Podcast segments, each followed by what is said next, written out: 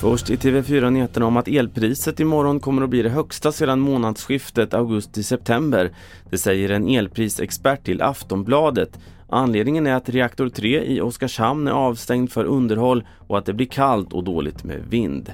Så om korruptionshärvan i EU-parlamentet där fyra personer nu åtalats för att ha tagit emot mutor från Qatar, det rapporterar AFP.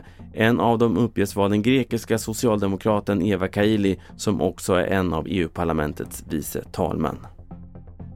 Och till sist, tidigare under veckan framkom uppgifter om att NOAs underrättelsechef Linda Staff kan ha tillsatts genom jäv och att hon i sin tur har anklagat dåvarande NOA-chefen Mats Löving för förföljelse och misshandel av henne.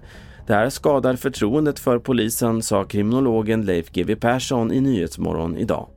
Det kommer att landa i tråkigheter, sänkt förtroende för polisorganisationen, tyvärr på goda grunder. Sånt här ska inte få hända. Mm.